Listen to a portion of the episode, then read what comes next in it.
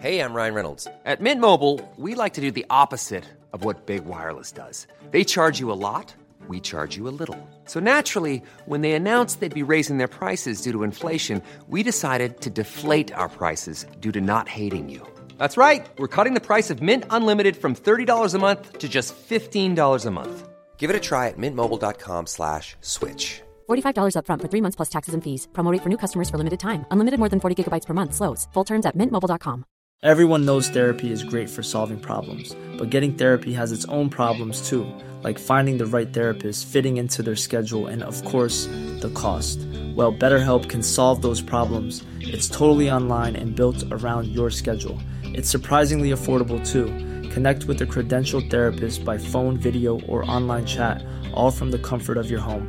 Visit betterhelp.com to learn more and save 10% on your first month. That's BetterHelp, H E L P.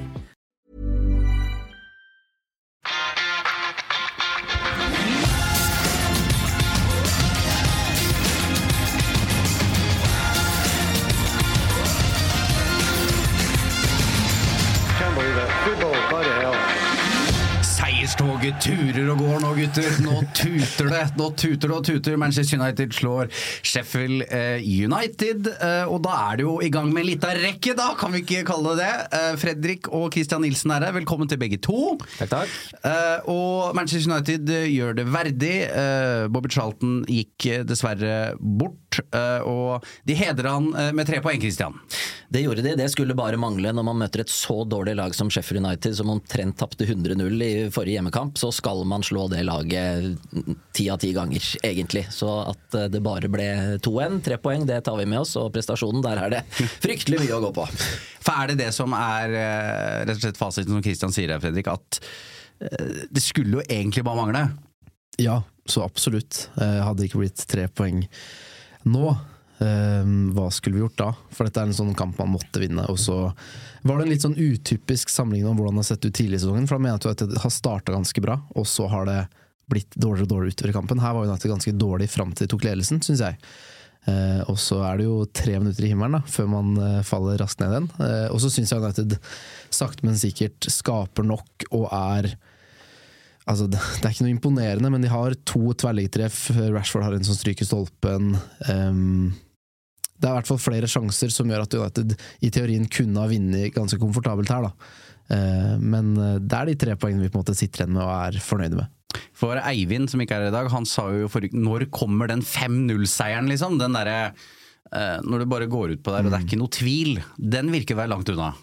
Jeg tror vi kanskje må over i et nytt kalenderår før, vi, før vi er i nærheten av noe sånt. Selv om eh, jeg sa her eh, tidligere da det var eh, stort treff på Radio kino, at det kommer til å bli bedre. Og det gjør det. Det er jeg fortsatt ganske sikker på. Og ved pause i går, nei på, på lørdag, skal jeg også si at jeg var ganske sikker på at vi kom til å vinne. For det var noe med momentumet vårt som jeg følte var i ferd med å, med å snu litt. Og at Sheffield United er et forferdelig begrensa fotballag. Tenkte at dette kommer vi faktisk til å ta. Mm. Vi tar et spørsmål med en gang, da, fordi Bjerkegården er litt inne på det vi prater om at selv om United vinner, er det ikke litt bekymringsverdig at United ikke styrer kampen i større grad, selv om det er borte? Eh, jo. det, det, det, er det enkle svaret. Ja, det er Uh, og så er det spørsmålet er det fortsatt et selvtillitsproblem også dette er i tillegg til at veldig mange er ute. Vi, vi, vi må huske på det. Den skadelista er lang. Uh, men de, de, trenger jo å spille på seg gode opplevelser her, det er jo en klisjé. Uh, men nå har de to etter hverandre. da Altså vunnet, Går inn i landslagspause med, med den seieren mot Brentford, og så går de ut av den uh, mot en, en, potensiell Jeg hater jo de bortekampene her. Altså Tøffe steder, uh, mørkt flomlys, publikum som er på. Det er jo potensielle bananskall, i hvert fall for en skjør gjeng. Og nå tar de med seg en til, så Tror vi det er noe å bygge videre på, Kristian? Ja, litt å bygge videre på er det. Og så tenker jeg også at den selvtilliten den er jo oppadstigende, men jeg er redd for at det ikke skal så veldig mye til før den blir dratt ned på jorda igjen. Mm. Og så er jo skadene selvfølgelig et kjempeproblem fortsatt, når man ser på den forsvarsfireren som, som man spiller med. Selv om enkeltspillere der er brukbare, så er det igjen motstanderen. Altså når man møter Manchester City, så er det noe helt, helt annet enn det vi gjorde på lørdag. Jeg syns det er så vanskelig å vurdere der United er nå. fordi På den ene siden så tenker jeg at det eneste United trenger er positive opplevelser og trepoengere. samt, og for, fordi de er i en situasjon de er i med skader og sånne ting. Samtidig så forventer jeg jo selvfølgelig mer enn det jeg får. Jeg syns det er gode grunner til at det blir servert dårligere enn vi kunne forvente, men ikke så dårlig som det vi får. Så dette syns jeg helt er en sånn veldig vanskelig ting å vurdere. da. Men eh, på oppsiden, Harry Maguire syns jeg fortjener en liten rose i dag, eh, Christian. Fordi han har vært eh, utskjelt, han har blitt ønska bort, han klorer seg fast. Og nå klorer han jo motstanderen òg, fordi han var god. ja, han var god. Det var han. Og han var god med ballen i beina også. Så ser han jo som normalt ut sett litt sånn keitete. Det kommer han nok fortsatt til å gjøre i, i årene som kommer. Og så var han god, og så er det fint. Og så var det åtte av ti mot en veldig dårlig motstander. Så igjen, vi må liksom Man må slappe av litt med de der med å gå veldig høyt ut med en gang noen har gjort en god kamp, og særlig med Harry Maguire, for vi har jo sett hvilket nivå han stort sett har vært på de siste par sesongene. Så det var bra. Eh, fint. Litt selvtillit eh, der. Og så sier Ten Hag de riktige tingene, og så sier Maguire eh, de riktige tingene. Og så får vi se i neste kamp, og særlig kampen som kommer til helgen. Så gir han ikke kapteinspinn tilbake med en gang? Ikke med en gang, nei. Et par, et par gode kamper til. Jeg sender et spørsmål i din retning, Martin. Preben og Mats de lurer på om dette er starten på begynnelsen på en vei tilbake for Maguire? Uh, nei, jeg tror ikke det. Eh, eller hva er å være tilbake, da? Eh, nå, eh, da sesongen begynte, så virka han jo å være bakerst av alle. Men sånn som ståa er nå, så, så, kommer han jo til å få mye matcher. Mm. Men at han blir et førstevalg i Manchester United igjen, det har jeg vondt for å se for meg. Altså. Mm. De kommer til å jakte en ny midtstopper om ikke lenge. Og da er Martinez, det er eh, Varan, hvis han fortsatt har helse, eh, og den nye mannen inn foran han i køen.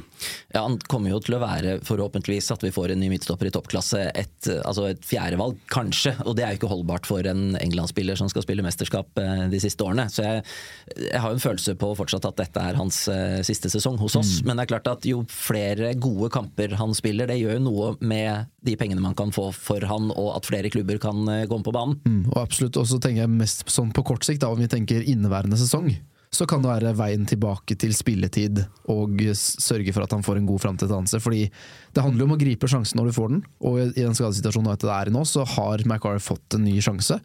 Og kanskje er han foran Lilleløv i køen nå, og så er Martinez ute med skade, og så veit vi at Varan kan kanskje bare spille annen kamp. Så da er det kanskje rom og plass til McGuire denne sesongen her likevel, da. Og da er det jo kjempepositivt at han så ut som han gjorde på lørdag. Og så er nok du inne på noe sentralt, at uh, Sheffield United er jo en motstander som kler han godt. Mm. Altså Gode i duellspillet, mer på hans premisser. At det går ikke så fort langs bakken og sånne ting. Så uh, det er jo en match som, som kler Harry Maguire.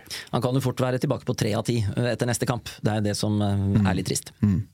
Uh, en annen som bekymrer meg, og gjort det ganske lenge, det er jo Antony. Mm. Eh, jeg satt jo her før sesongen og tenkte nå, eh, her, her, tror jeg faktisk det kan bli bra. Nå begynner tvilen, eller tvilen har kommet hos meg. Han er, han er direkte dårlig, Fredrik.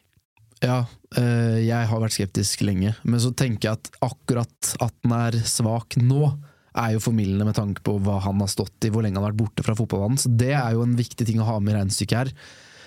Og så er jeg på generelt grunnlag veldig usikker på om han har det som skal til for å bli god nok til å spille fast i Manchester United. Det, det, må du bli god nok til når du har den prislappen du har. Eh, det er jo det tanken til Ten Hag har vært. Så jeg syns det mer og mer begynner å se ut som et problem.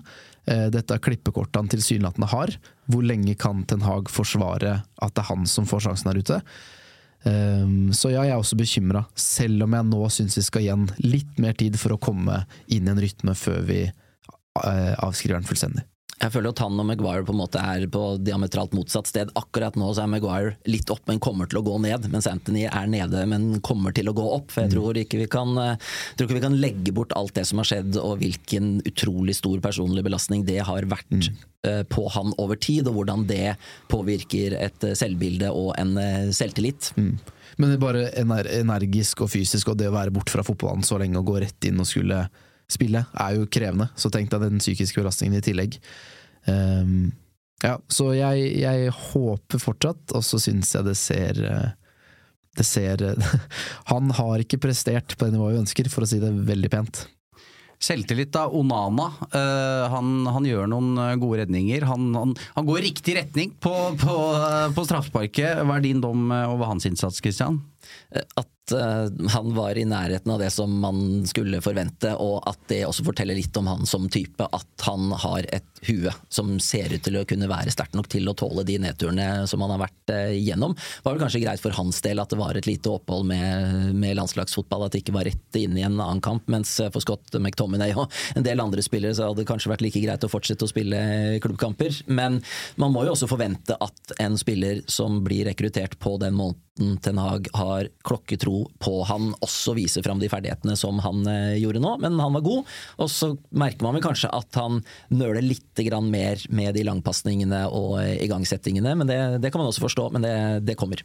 Ny positiv opplevelse for han, så for han også handler det om å få selvtillit og bare få, ro, få den roen tilbake. da. Så flere steg i riktig retning for hans del også. Og så er det mange spørsmål i dag eh, om Scott McTominay Bør han nå spille fast? Spør folk. Nei, han, han, bør egentlig ikke det. Nei, han, I en perfekt verden skal han ikke det. Nei, fordi han skal ikke være god nok til å spille fast på et United, som skal oppover på tabellen og etter hvert begynne å utfordre de to-tre beste. Han skal ikke det, altså. Og så er det kjempefint at han skårer mål. Det er veldig bra. Eh, men det er ikke det han først og fremst må bli målt for. Det er at han, blir, han må bli målt på sju, åtte av ti hver eneste kamp. Mm. Og der er han jo ikke. Jeg er, jeg er helt enig. Jeg sa det var vanskelig å vurdere United pga. de forskjellige omstendighetene som spiller der. Eh, samme med McTomney. Det er vanskelig fordi det viktigste i fotball er å skåre mål, og der har han bidratt til at han har tatt poeng i to kamper på rad nå.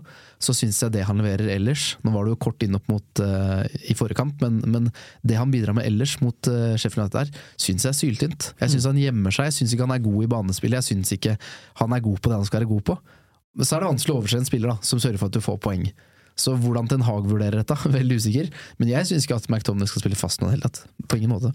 Nei, for Man skulle jo håpe at det var en skikkelig katalysator, det som mm. skjedde mot eh, Brentford. At han virkelig skulle stå fram og si ok, nå er jeg her, nå er jeg tilbake på et godt sted og jeg er i nærheten av det jeg har eh, vist før. Men jeg er enig med deg, Fredrik. Han blei ganske usynlig, mm. egentlig. I hvert fall i, i min TV-verden. Men det er jo ingen andre enn han som skårer mål om dagen. Han og Dalot som skal fikse biffen. Så hva, hva, gjør man som trener da? Når ingen av de offensive som skal gjøre dette, gjør det? Kan du da overse McTomney? Nei, for, fordi det var det jeg hadde tenkt å gå inn på nå. Fordi uh, det er Skåringstallene til de som skal skåre for Manchester United, de er jo eh, svært wow. Eh, stusslige. Hvis vi tar Rashford, Marcial og Høylund, da. Hvor mange Premier League-skåringer er vi på? Er det ett hver? Eh, det er Dette er hvor skal de måla komme fra, Kristian, og når kommer de? ja, De skal komme i hvert fall fra to av tre av de spillerne. Mm. For uh, Martial er jeg altså så lei av oh, på alle mulige måter. Og det er, det, er, det er, synd å måtte si det om en spiller som fortsatt uh, er i klubben vår, men, men, jeg er ferdig med han. For det, det kan umulig bli noe. Jeg blir, hjertet synker litt ja, ja. når jeg vet at han kommer til å komme innpå. Ja, det er helt eh, Han Eh, fordi når Høylund går ut og han kommer inn, så jeg, jeg ser ikke hva som skal skje. Og jeg forstår det ikke, og jeg har også gitt opp uh, totalt. Ja. Uh, og jeg vet at du synker mer og mer ned i stolen, for du er jo superfan. Uh, jeg har ikke flere forsvarstaler i meg. Nei. Nei, jeg har ikke det. Og han sklir, og han blir puffa til side. Og, men jeg er oppriktig bekymra over disse måla. For du, Antony kunne jo potensielt hatt Eh, det snakka vi om før sesongen. Eh, du trenger flere skåringer og målpoeng derfra. Marcus Rashford leverer jo ingenting eh, for øyeblikket. Eh, Bruno eh, er jo også en mann som skal eh, levere målpoeng, men for øyeblikket er det altså Scott McTominay som er den som er målfarligst i denne troppen, og det er jo veldig urovekkende. Jeg tror Marcus Rashford savner Luke Shaw noe helt vanvittig. Um, det samspillet er en som kommer rundt og lager plass på enten utsida eller innsida. Uh, det som bekymra meg veldig med Antony, som også bekymra meg før hadde hentet han, var jo tallene han hadde å vise til fra æresdivisjon. Når du henter en spiller som putter 25 i æresdivisjon, så er du veldig skeptisk fordi ja, det er bare æresdivisjon, mens han hadde ganske middelmådige tall å vise til. da. Så hvis de, når de tallene også halveres, eller så, så er de tallene altfor dårlige i Manchester United. Eh, det gledelige med Høylund, selv om han ikke scorer, er at han er så nære så ofte. Eh, og jeg syns han viser veldig mye positivt, da. og så må han også selvfølgelig begynne å score, men der er det så ørsmå marginer. Eh, så det handler bare om å servere han oftere enn de, enn de klarer. For det er, det er, en centimeter og to her og der nesten hver kamp. Jeg må bare pøse på med Høylund. Mm. Ja ja, han må spille. Uh, og han er uh, Og den duellstyrken og den kraften han har. Altså Når han står med ryggen mot veggen han, han, er så bra. Han kommer mm. til å bli så bra. Det tror jeg òg. Jeg tror virkelig det. Jingle. Jingle. Oh tar et spørsmål med en gang. Ja, ja, ja. For, vi var oh, for nå lot du som du satte i gang jingle, og det gikk be, eh, be, Nei, jeg hadde ikke kontroll. Som, Nei, du så jo på ja, ja, ja. Fremstå trygg. Men uh, uh, ja, det er du bedre på enn meg, Martin. Uh, du var så vidt innom Bruno. Hva, hva, skjer med han? spør blant andre Andreas og André. jeg syns jo det er litt trist at en som i utgangspunktet er lagets beste spiller er den som på en måte flyttes litt rundt. Jeg syns jo han skulle dyrkes eh, egentlig i sin eh, beste rolle. Han bør ha mer ball. Eh, han eh, jeg er jo bekymra for den kampbelastningen han har hatt over så lang tid også. Han har spilt eh, så vanvittig mye fotball, han er aldri skada. Og på et eller annet tidspunkt, i den alderen han er i, så vil du jo, selv om du kanskje ikke merker det sjøl på kroppen eller et eller annet, så, eh, så må han jo ha litt hvile han òg, tenker jeg. Er han, er han kjørt, lurer jeg på. At han ikke har den, der, den galskapen, den lidenskapen Eller lidenskapen er der, men mm. at ikke beina er med på det, rett og slett mm. fordi han er sliten. Jeg tror du er inne på de tingene som er greia der, altså. For han har vært vår uh, omtrent beste og viktigste spiller siden han kom. Og det begynner å bli noen år siden. Han var liksom kaptein fra første stund. Ja, mm. ja, og du bare tenkte at denne mannen han er jo lagd for klubben vår, og det kommer til å bli kjempebra. Og så spiller han jo flest kamper i verden omtrent hver eneste sesong, og, og som du sier, et eller annet sted så, så kommer det til å komme en periode hvor uh, det stopper. Uh, og den perioden virker det som han er inne i, nå. Og så er det jo sånn at Ten Hag leter jo fortsatt veldig etter de kombinasjonene, de forholdene der ute på banen som uh, klikker. Det er en del som skal inn, og så får det litt sånn konsekvenser. Og så tenker man kanskje at Bruno er så god at om han spiller 20 meter ut til høyre eller om han er i midten, det spiller egentlig ikke så veldig stor rolle. Men så er han bare en, en menneske, han også. En fotballspiller som trenger å føle den der tryggheten at dette er, dette er min rolle, her skal jeg være, dette er mitt område det man ser på landslag for Portugal, han tar med seg kjempepositive opplevelser fra Portugal, hvor han leverer på det vi kritiserer på at han nå ikke leverer på United. Og så skal vi være litt forsiktige, hjelp meg her nå, fordi er det ikke han som har assist til McDominay?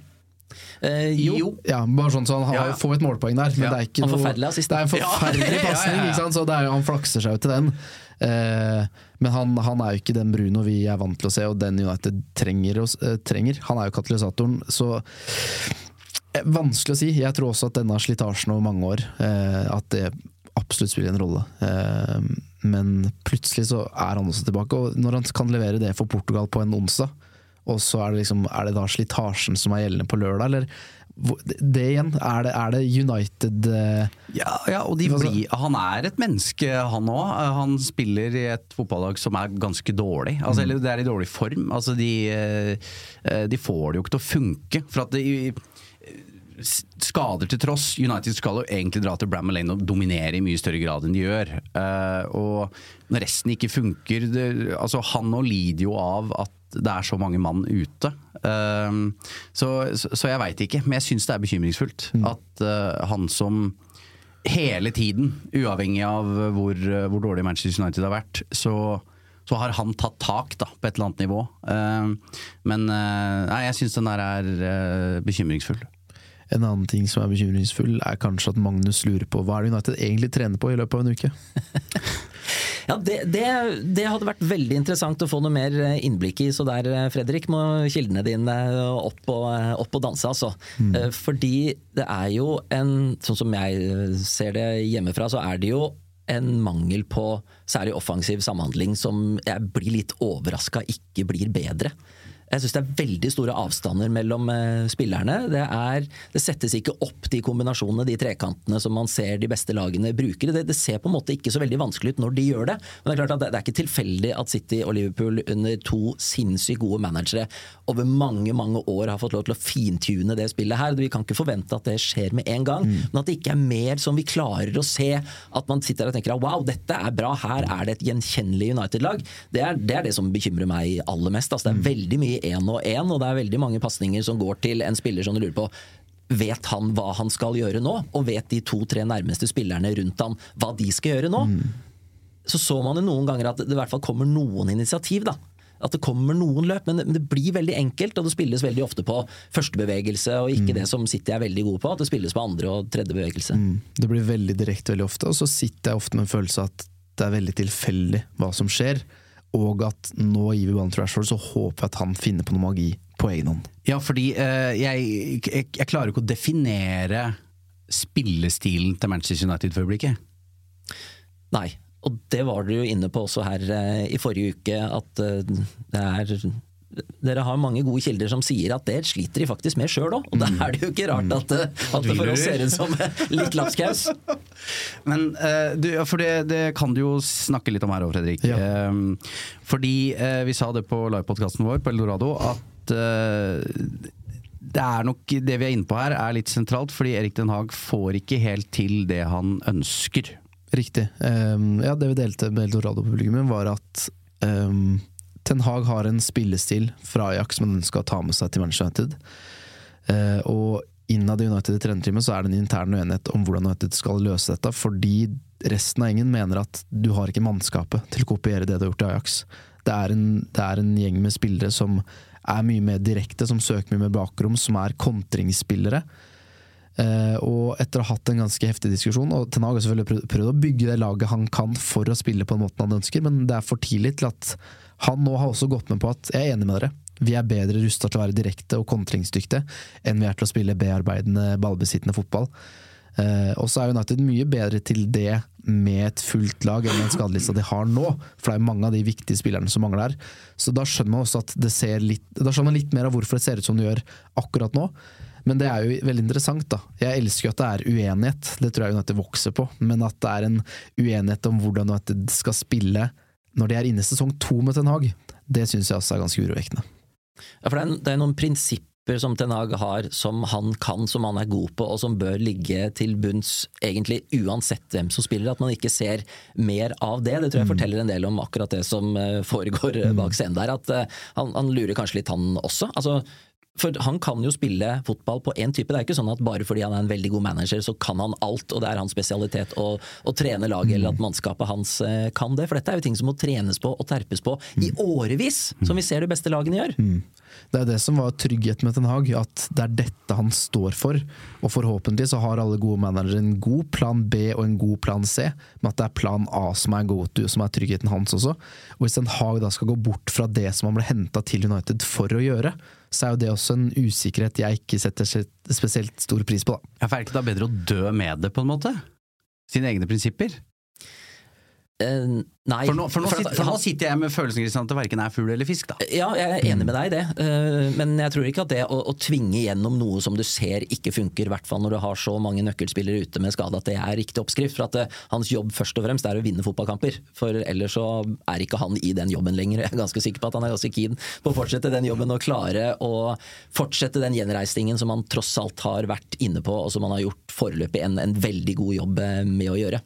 Jeg tenker at det kan være både en styrke og en svakhet. at hvis, hvis han innser at dette er, nå er vi såpass begrensa at jeg må gjøre noe annerledes, men han likevel har klart å få de tre poengene som er det, faktisk er det eneste som betyr noe, til syvende og sist, så mener jeg at det er en styrke at han måtte ser at vi må inn i en mellomfase. Det er ikke det jeg ønsker, men jeg, vi må det likevel. Da syns jeg det er en styrke. Hvis det er en sånn famling i blinde hvor vi verken får fuglefisk og tre poeng også begynner å utebli, som det har, de har uteblitt litt for ofte denne sesongen også, så er jeg usikker på hvor man, hvor man går. Men eh, enn så lenge så sitter vel alle fortsatt ganske rolig i Ten Hag-båten, gjør vi ikke det? Ja, det gjør vi så absolutt. Mm. Uh, men uh, vi må jo innom matchvinneren her, da. Uh, og for et skudd fra Dalot! Mm.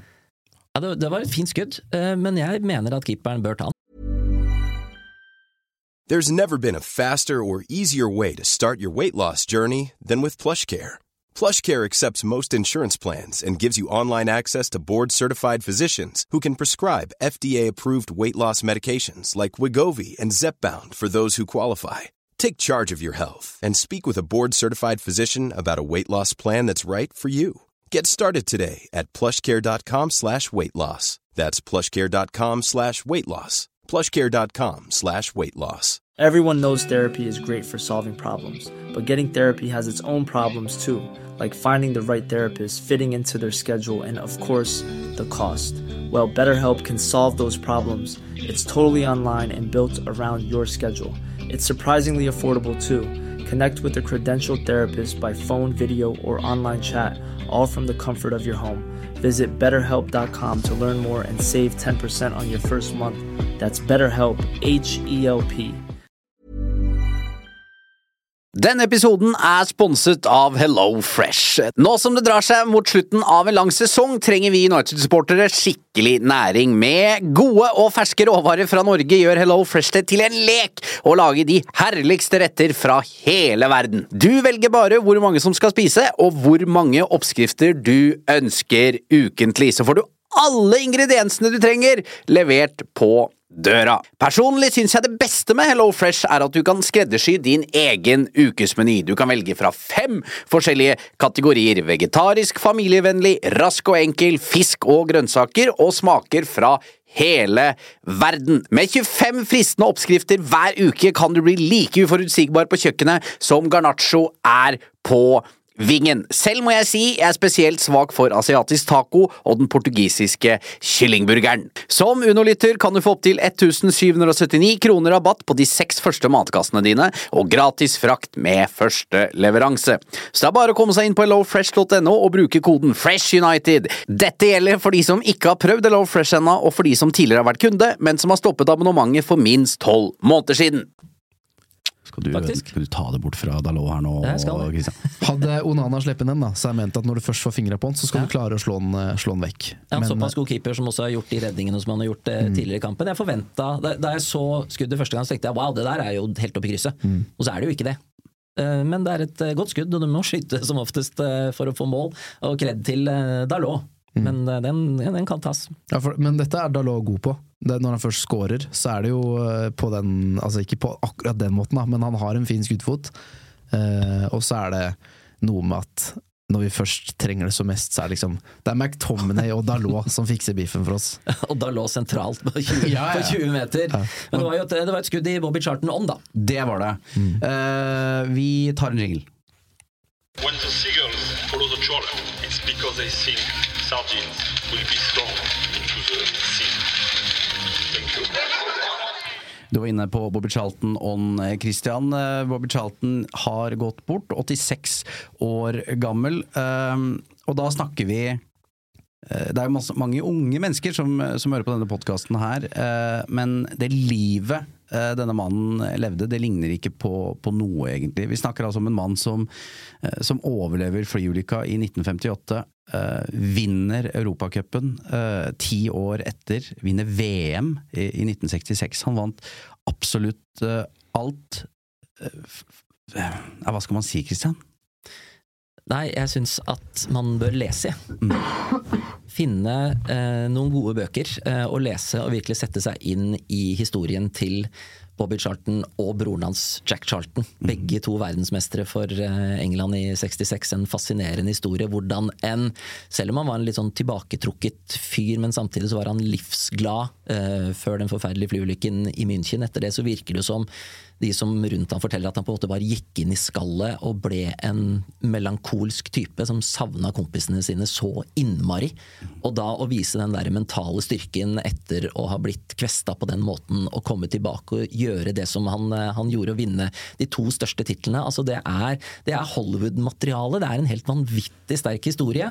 Uh, spille da, eh, før Giggs overtok rekorden, flest kamper, skåre flest mål for United, for England. altså Man, man snakker om det beste i verden.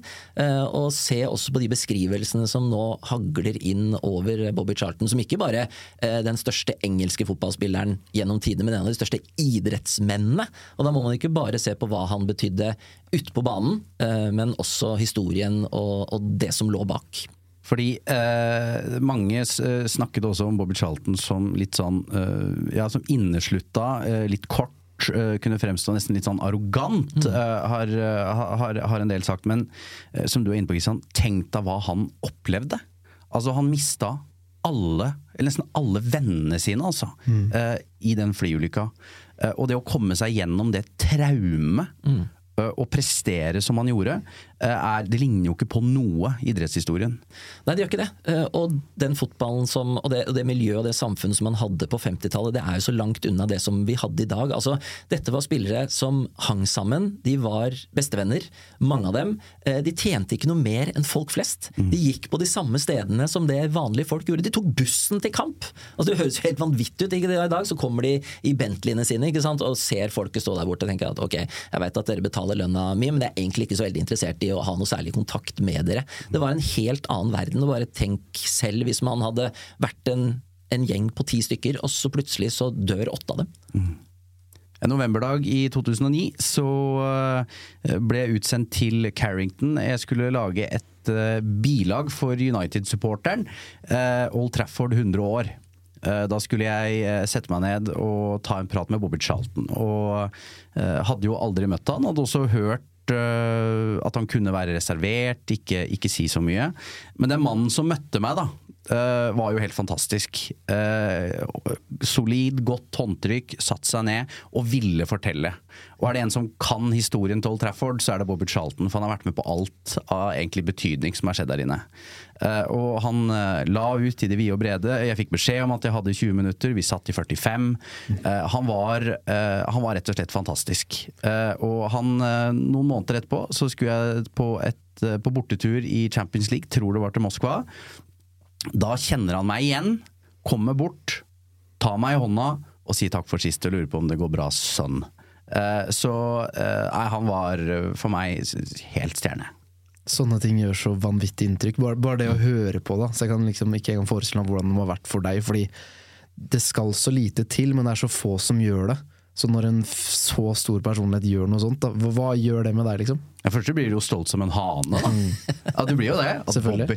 og så reiser du jo på et sånt chartra United Supporter-fly, og så hvem, hvorfor, hvorfor, går han Bobby Charlton bort og hilser på han der tjukke mm. nordmannen?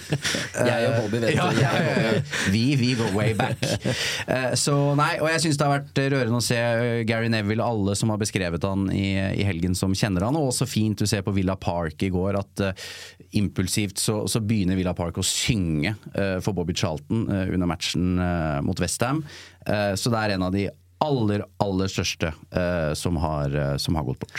Han var også ganske unik i England, fordi når United kommer til byen, og dette begynte jo da, dette har jo på en måte alltid vært der, men det ble jo spesielt da etter at vi begynte å vinne ting fra 93 og utover, så ble jo hatet mot United bare sterkere og sterkere. Når du dro på bortekamper, så var det jo Du, du skjulte drakta di ganske bra. Det er ikke tilfeldig at veldig mange bortesupportere til United går i svart og skal være så anonyme som, som mulig. Uh, jeg sto utafor Hybrid 94-95-sesongen eh, og venter på at spillebussen til eh, United eh, skal komme. Og du kjenner jo hatet i lufta, ikke sant. Og spillerne kommer ut én etter én, og det er buing, og det er Fråden står jo rundt kjeften på, på mange av gutta. Og så kommer Bobby Charlton ut av bussen. Og da bare er det som altså De snur på en femøring. Da er det jubling, og det er klapping, og det er 'Bobby! Bobby! Wave!' Og, og det bare Det snur så innmari, da, som forteller hvilken posisjon han hadde for engelskmenn i mm. en atmosfære som mot United ellers 99,99% bare var hatsk. Mm. Helt unik. Og Manchester United har jo i tillegg til familien hans vært alt. Altså, Vi veit at han har vært eh, syk de siste årene, eh, men til det siste så har han jo vært på match. Eh, og han reiste jo til langt ut i 80-årene mm. på alt, overalt, verden rundt, fordi han ville se Manchester United live. Mm. Så dette her var ja, helt, helt utrolig liv. Og det er som du sier, det er film, altså. Han er Nei, for en stjerne. Ta meg litt mer eh, bak det som skjedde da du skulle intervjue en, eh, Martin. Sånn, hvordan forbereder du deg når du veit du skal møte en, eh, og hva skjer med nervene dine? For du er ikke nervøs type utgangspunktet? Nei, jeg husker jeg gleda meg, for jeg syntes det var så stas. Mm. Uh, uh, så du, du, leser deg jo godt opp. Uh, og så er det egentlig bare åpne spørsmål, så han kan fortelle. Mm. for når han snak, snakka om gamle Stretford End, f.eks. Altså det, det trøkket mørke og hvor trangt det var. Og uh, når du står i en spillertunnel og hører Stretford End uh, Vi har jo hørt Stretford End i form, vi. Uh, men tenk deg hva de gutta der gjorde. og de, som du var inne på, Christian, det var jo en av dem. Altså, de var da var det jo virkelig folkets sport. Fordi de som sto på Strett for N, de kunne identifisere seg med de som var ute på den matta. Mm. De tjente like mye penger omtrent. De tok bussen sammen, som du sier, Christian. De var naboer. De var, ja, rett og slett. Og, og bare Uh, og få han også da, til å sette litt ord på hvordan det var å komme tilbake uh, etter flyulykka. Uh, stemninga som var i, i, Manchester og Paul Trafford den gangen, var, var, helt utrolig. Så jeg føler meg veldig privilegert som, som, har fått møte han. Men opplevde du at han ikke hadde noe problem med å fortelle om hvordan de tingene var i en periode for han som var traumatisk, eller? Han, han gikk jo ikke sånn veldig detaljert, merket jeg. men han snakker, han snakker, jo om det. og Det er sikkert mulig et eller annet arkiv å finne det intervjuet. Det kan jo legges ut nå. Det, jeg vet at det jobbes med, de jobbes med saken. Vi skal ja, ja. selvfølgelig lage en pakke på eh, Subovi til både US og til NTNO, og da kommer nok sånne ting fram. Og nå skal ikke vi sitte her og være gamle, Christian, men jeg, jeg, er, jeg er, enig med deg. til unge folk, les. les om Bobby Charlton, fordi det Manchester United vi kjenner i dag, hadde ikke vært noe uten sånne som Bobby Charlton. Mm. Uh, og måten uh, flyulykka har definert hele historien til Manchester United på, og måten han, uh, som Matt Busbys forlengede arm, må vi jo kunne si, ute på banen etter det tragiske, er helt unikt. Mm. så, så les deg opp. Det er et sted som jeg syns hadde vært kjempeinteressant å være, og det var på rommet til Bobby Charlton da Europacuptrofeet i 1968 skal feires. Eh, for da sier eh, kona hans at eh, Bobby kommer ikke. Mm. Han orker ikke. Han er så sliten. Altså, tenk deg å vært flue på veggen, tenk deg å vært en samtalepartner i et sånt øyeblikk, når alt som har skjedd i løpet av ti år, skal prosesseres. Mm. Og du på en måte har nådd eh, det høydepunktet som er det største av alt. Alle tankene, alle følelsene. Det er eh, helt utrolig å, å tenke på hva den mannen har vært igjennom. Noe jeg alltid tenkte over da eh, TV-kameraene fanga han opp på fotballkamper, var en sånn tilstedeværelse som bare oste varme. Mm. Han, var, han fremsto så himla varm. Hvordan opplevde du det? Jeg syns han øh, var veldig hyggelig da jeg møtte han. Og det er klart Han var jo ikke den som delte ut flest smil, og sånne ting, men jeg oppfatta han som, som, veldig snill og hyggelig. Altså, hvis du sammenligner han med Paddy Craren f.eks., som spilte på det samme laget, så er jo Paddy en mye mer sånn jovial kar og høylytt og sånne ting. Mm. Mens øh, Bobby Charlton var jo mer den øh, stjerna som lead by example og var uh, må ha et hode som de fleste misunner. For den psyken og det som bor inni den, og den drivkraften han, uh, han fant uh, for, altså Ti år etter, altså, så vinner de altså Europacupen på Wembley. Uh, det skal ikke gå an. Nei. altså, Lagkameraten hans er død. Mm. Det, er, det, er helt, det, er, helt, unikt. And Beckham saw Sullivan off his line!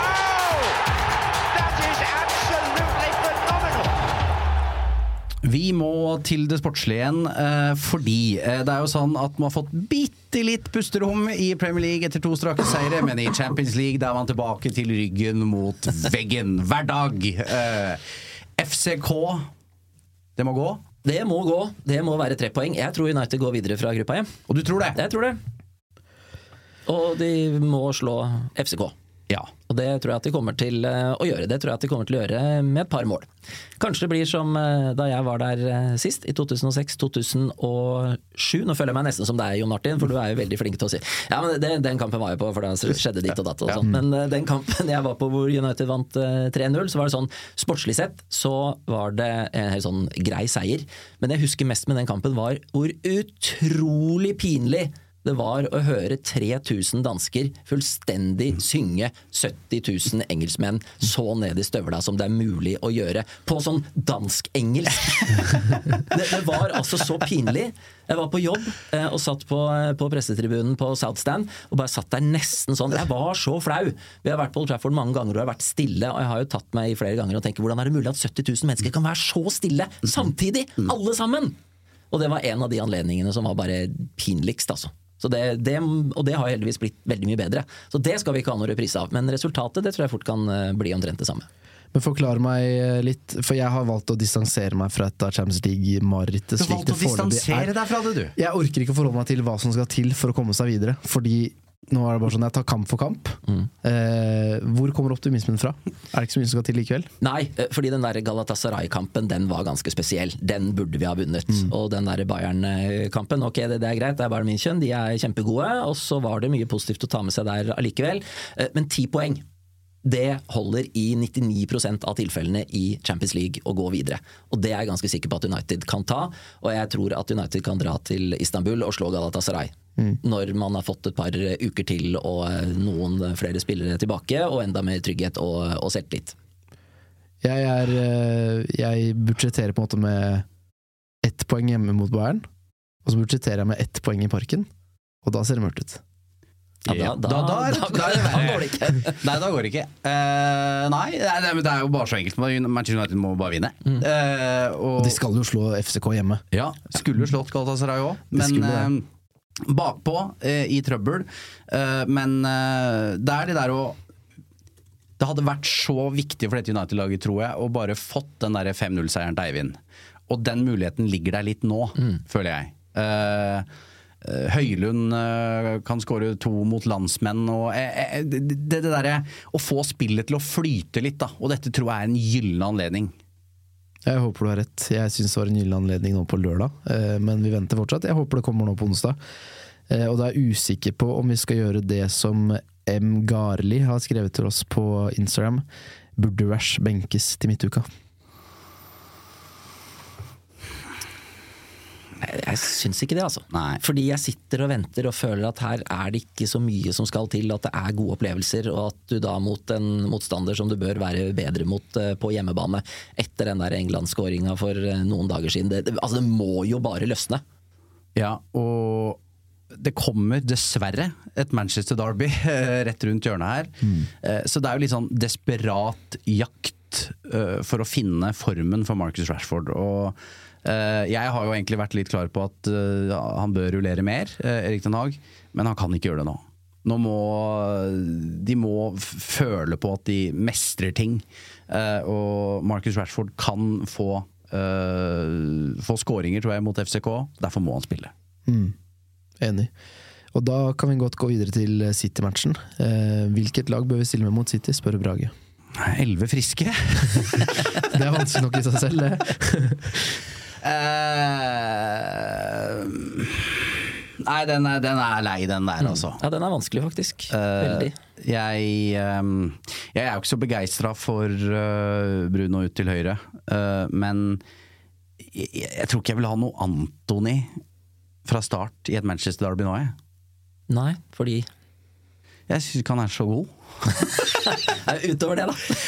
um, nei, jeg, jeg, tror jeg vil ha inn Mason Mount, blant annet mm. rett og slett pga. frekvens. Uh, og da går jo det utover um, Utover eller ja. Uh, Amrabat, uh, og er Casemiro klar? Uh, det er mm. også spørsmålet vi lurer på, da. Varan håper jeg de klarer mm. å Ting tyder vel på at han kommer til å starte det derbyet. Ja, han satt jo på benken, så var han nok til å spille. Så sparte han forhåpentlig Kanskje vi skal la han hvile nå i midtuka? Spare ja. han til derby. Eh, forhåpentlig er Gillon tilbake. Var han på benken nå, eller? Det husker jeg ikke, for helt ærlig. Ikke heller. Men forhåpentlig har vi en Drake tilbake, som Smørata lå eh, Lindeløf kan slippe å spille back. Eh, det er ikke det at han gjør det så dårlig, men det fins definitivt bedre alternativer i stallen. Men Johnny, eh. Johnny Evans eller Harry Maguire? Maguire. Som makker til, uh, til uh, Ja, jeg syns Evans klarer seg fint, jeg. Det er noe med den uh, Haaland-Evans-duellen der jeg helst vil unngå. men, men, Evans har sett fin ut når han har spilt, han. Så er noe, det er ikke det det går på. Det er mer det at jeg tror Maguire har flere kvaliteter som skal til for å nøytralisere Haaland i litt større grad enn det Evans er kapabel til. og så er det ikke en duell jeg ser fram til sånn uansett. Um, men med, med Varan og Regulon inn, så ser det i hvert fall ut som en forsvarsfirer som man ikke skammer seg over. Eh, Amrabat syns jeg så bra ut mot Sheffield United. Eh, han syns jeg faktisk var god. Mount vil jeg også ha inn. Eh, Anthony er jo samvittighetsfull defensivt, da, men du må også ha en stall som kan bidra med målpoeng. Det er jo Ten Hag skal sikkert ha tre poeng, han. I utgangspunktet, i hvert fall. Ja, og nå er det FCK først der, men jeg tror United slår City, da. Oh. Ja, fordi som Runar påpeker her, slår United City, så er United i tittelkampen. Hvor mange prosent sjanse? spør Runar. Siden du sier det, Martin. Nei, eh, Manchester United kommer ikke til å det, da tar jeg, det, det tar jeg distanse til, på lik linje som du tar det til eh, Champions League. Jeg tror det Manchester Derby kan komme helt perfekt ja, for United nå. Det jeg vil se, uansett hvem som spiller eh, Jeg vil helst se 4-5-1. Eh, og så vil jeg si et kompakt United-lag som treffer med de der avstandene, sånn at man stopper City i det spillet som de er så utrolig gode på. Jeg vil se et United-lag som er forberedt i det defensive. Mm. Spesielt for at det, det må være førsteprioritet mot en så god motstander, selv om de har, selv har hangla litt. Liksom Få unna de første 10-15 minuttene uten at City spiller eh, ball i hatten med oss. For da tror jeg den der selvtilliten egentlig kan komme ganske fort. Og så må mm. publikum være på, og så må vi angripe distinkt når vi først får muligheten. Og det er da jeg tenker at Anthony, for han er øh, Han har jo en høy arbeidskapasitet, så det at han kan drive og hjorte opp og ned ute på sida der, og så må Rashford gjøre det samme, samtidig som når muligheten først kommer, så må ballen bli spilt opp på de spillerne i gode posisjoner, som må få tjuvstarte akkurat det der halvsekundet som gjør at City kan være litt i ubalanse. For det er, det, er, mulig å slå City, men det som er så fortvilende, og har vært det de siste åra, at du må være best i alt det du må være god i hele tida. Mm. Fordi de er så gode. Du har ikke råd til bare å, å treffe med, med 70% du må egentlig treffe med 95 Håpet er jo at United med Vi har så få, små forventninger pga. situasjonen vi er i. Mot både Tottenham og Arsenal så syns jeg at det kom en kampplan som var ganske god. United presterte ganske bra der, fikk ikke med seg noe. Så håpet mitt er at United får brukt de få dagene de har imot kamp, eh, veldig godt, så at vi ser en tydelig kampplan.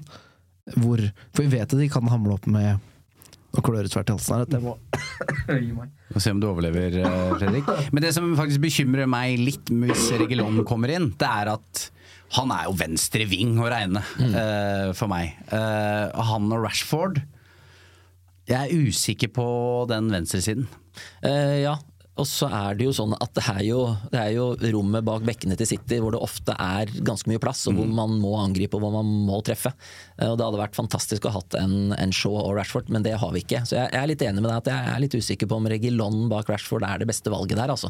At det faktisk er en, en Lindløf-kamp eh, det også, så da lå over på uh, høyre. Godt poeng, faktisk. Jeg er ikke, jeg er ikke uenig. Jeg, det var mer det at jeg tenkte at nå har vi endelig en ikke frisk, men det er jo offensivt han er sterkest. Mm. Og dette blir jo sannsynligvis en forsvarskamp, så det er ikke så dumt å tenke Lindløv likevel nødvendigvis. Og så er det det, da, at man har jo altså, spill og motspill. ikke sant? Pep legger eh, sin plan, og så er de såpass gode. Og så har han en tanke om hvordan eh, motstanderen kommer til å spille. Og så kan man jo diskutere, men er det bedre da faktisk å gå ut på en helt annen måte og si at nå skal vi gi dem noe å tenke på. Nå skal vi gi dem problemer. Mm. Men da er man jo avhengig av at spillerne er utrolig disiplinerte. Da kan vi jo ikke ha Regulon som fyker på utsida av eh, Rashford eh, mm. i tide og utide. Så det, det, der er alltid sånn der spennende vurdering, syns jeg. Hvordan vurderer trenere det der? De aller fleste går jo for det sikre. Mm. Hvor mange prosent sjanse gir vi United den kampen her? Mot City? Ja. Jeg er ikke så opptatt av prosenter, jeg. Jeg er på, på, på, på ren hunch. Uh, og hunchen sier, at... hunchen sier at United vinner det derbyet. Ja. City er ikke så bra nå. Altså, de er bra, ja, ja. Bare, men et Halmstrå og Haaland er ikke så i rute som han har vært. Smitter den halsen. To Haaland-mål på ja, ja. Belgia? Ja da. Eh, jeg, eh, nei, jeg tror, jeg tror Manchester United slår Manchester City. Først er det FCK. Ja. Jeg skulle til å si 10 sjanse. ja. City, jeg gidder ikke å si imot når du er optimistisk, Nei. Eh, så da jeg, jeg, hiver meg med. Dette brente barnet. ta, ta, livet med ro. Eh, jeg tenker at vi tar FCK først. Deretter mm. skal vi ta for oss Manchester Derby. Eh, tusen takk til Christian som kom. Tusen takk til en hostende Fredrik. Og takk for at du har hørt på. Og så høres vi igjen om ikke lenge. Takk for nå.